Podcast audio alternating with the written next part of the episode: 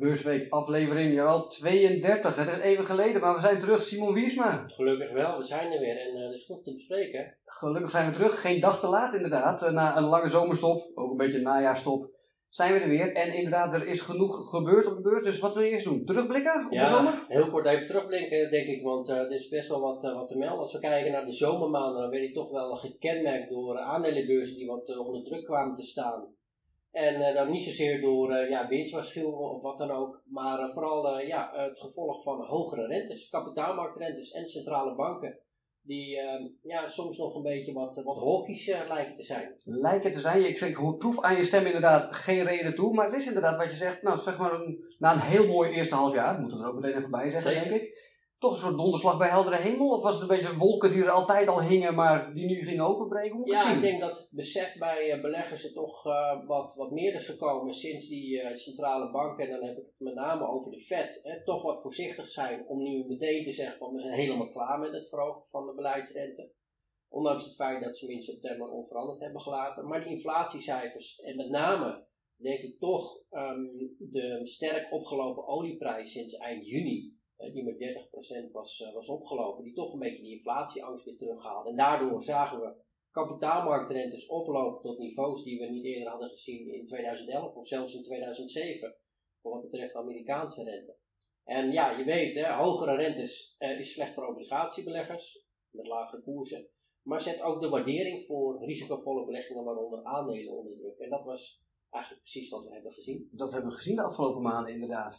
Um, daar nog even voortbordurend, gewoon hoe zit nu de, ja, hoe hangt nu de vlaggen voor? Ja, ik denk toch als we kijken naar uh, een van de redenen waarom hè, die uh, inflatieverwachting uh, nog steeds ja, positief is of wat hoger is, heeft vooral te maken met de situatie in Amerika. Daar waar eigenlijk al meer dan een jaar geleden werd voorspeld dat de Amerikaanse economie door die renteverhogingen van de Fed in een recessie zou belanden, is dat helemaal nog niet gebeurd. Sterker nog, als we kijken naar de laatste macrocijfers uit Amerika, ja, dan wijzen die erop dat in ieder geval de arbeidsmarkt nog steeds heel erg sterk is. Met een onverwacht gestegen aantal openstaande vacatures.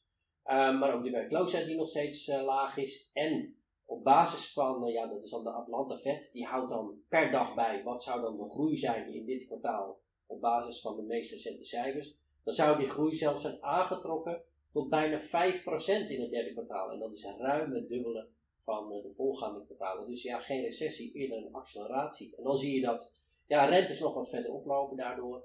Um, en zoals gezegd, de beurs wat onder druk zetten. Tegelijkertijd, en ik denk dat dat wel belangrijk is om mee te nemen, is het natuurlijk wel zo dat op het moment dat een economie het beter blijft doen dan verwacht, dat je ook kunt verwachten dat bedrijven het beter doen dan verwacht. Hè? Dus een economie die nu omvalt, maar eigenlijk versnelt. En met name zien we dat nu terug tot wat meer in de productiesector, die juist aan het begin van het jaar eh, heel erg moeilijk had. Daar zien we nu wat herstel. Ja, dat betekent dat we daar wel wat, um, um, wat winstgroeiverbetering ook uh, kunnen verwachten. Ja.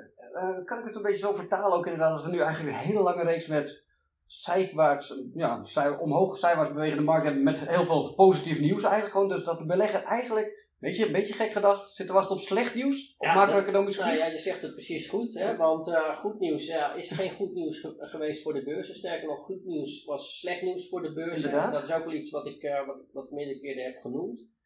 omdat daarmee de kans op ja, wat hogere inflatie en daarmee langer hoogblijvende beleidsrentes en kapitaalmarktrentes een bedreiging zouden kunnen zijn voor de beurzen. Hè, wordt er soms gehoopt van nou, laat die cijfers uit Amerika dan maar een heel klein beetje tegenvallen eigenlijk wat we gisteren zagen, waarbij de arbeidsmarktcijfers, eh, het rapportje van ADP, uh, wat tegenvielen leiden tot een positieve reactie op zowel de obligatie als aandelenbeurs. Omdat je dan ja, zou kunnen verwachten dat de centrale bank, in dit geval de Fed, wat dovischer, wat ruimer in het monetaire beleid zou kunnen gaan zitten in de komende tijd. dus ja, inderdaad, het klinkt een beetje tegenstrijdig, maar een heel klein beetje minder goed nieuws uit Amerika zou ik willen zeggen. Macro nieuws zou voor de beurs eigenlijk positief moeten uitpakken. Oké, dan weten we wel op kunnen letten. Uh, dat was de zomer, dat is een beetje de stand van zaken nu. Uh, wat heb je verder allemaal? Wat is je verder opgevallen? Ja, natuurlijk goed, uh, over die rentes was natuurlijk het, het, allerbelangrijkste en ook die, die stijging van, van de olieprijs.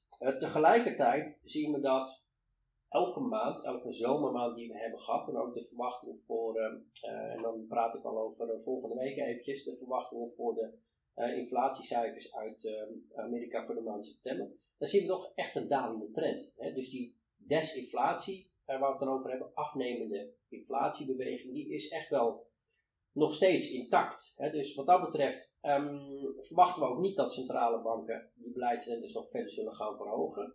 Ze zeggen zelf, we zullen hem heel lang hoog houden. Ik zelf twijfel daaraan. Als je kijkt naar het verleden, hebben ze dat vaker gezegd. En ik snap dat ook wel, want als je nu al gaat zeggen van ja, we gaan morgen de rente verlagen, dan werkt dat verkrappende beleid niet meer. Dan gaat de markt daarvoor op, uit, op vooruit lopen. Uh, dus dat, hè, dat, dat idee dat we een lang plateau krijgen waarop rentes, beleidsrentes lang hoog blijven, daar geloof ik niet zo in. Dus het zou mij niet verrassen als die Amerikaanse groeicijfers wat gaan tegenvallen, hè, dat we wat eerder een renteverlaging kunnen verwachten. Um, zoals gezegd, hè, die hogere rentes die hebben vooral de waarderingen onder druk gezet. Die waren een beetje uit de pas gelopen. Want we zagen hogere waarderingen ten opzichte van hogere rentes. Ja, dat gaat niet lang samen. Um, en wat nu van belang is, ja, is uh, natuurlijk het aanstaande kwartaalcijferseizoen. En uh, daarvoor, uh, ja, heb ik, of daarover heb ik goed en slecht nieuws. Oh. Uh, wat, ja, dan mag ik meestal kiezen wat ik het eerst wil horen, ja, toch? het eerst hoor. En dan begin ik graag met slecht nieuws. Uh. het slechte nieuws is dat uh, als we kijken naar de verwachtingen voor Europese aandelen uit de Stox 600, hè, dat is de brede Europese aandelenbeurs, daar zit ook Zwitserland en, en Engeland bij, Londen bij, dan wordt er voor het derde kwartaal een winstdaling verwacht van gemiddeld bijna 12%. Mm.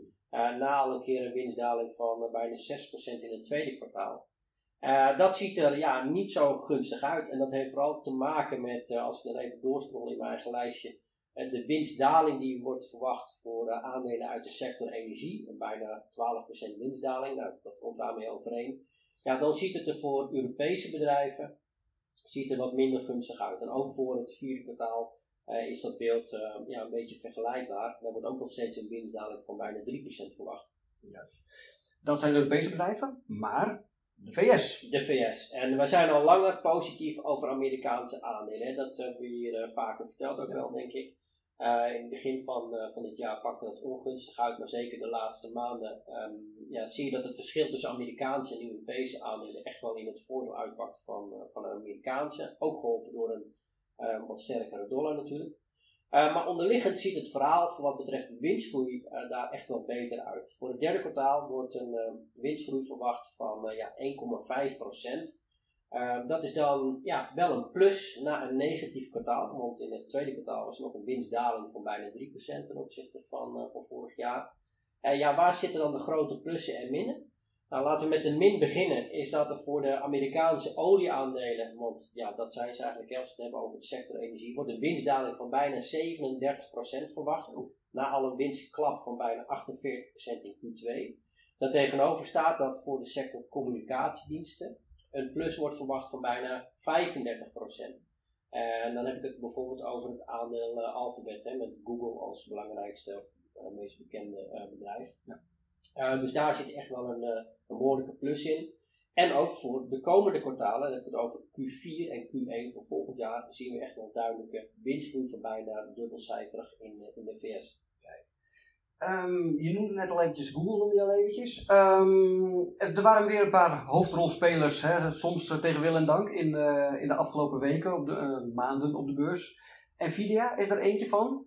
Um, hoe kijk je daar nu tegenaan? Ja, ik denk dat uh, wat we natuurlijk hebben gezien, hè, en uh, daarmee doel je eigenlijk ook, um, denk ik, indirect op de uh, rendement van de Amerikaanse aandelenbeurs, waarbij de SP 500-index vooral wordt gedreven door de Magnificent Seven. Hè, de, de Apples, de Amazon, Google, Alphabet, um, Meta. Meta. Ja. Nou ja, die hebben het goed gedaan. De vraag is van, kunnen ze dat volhouden?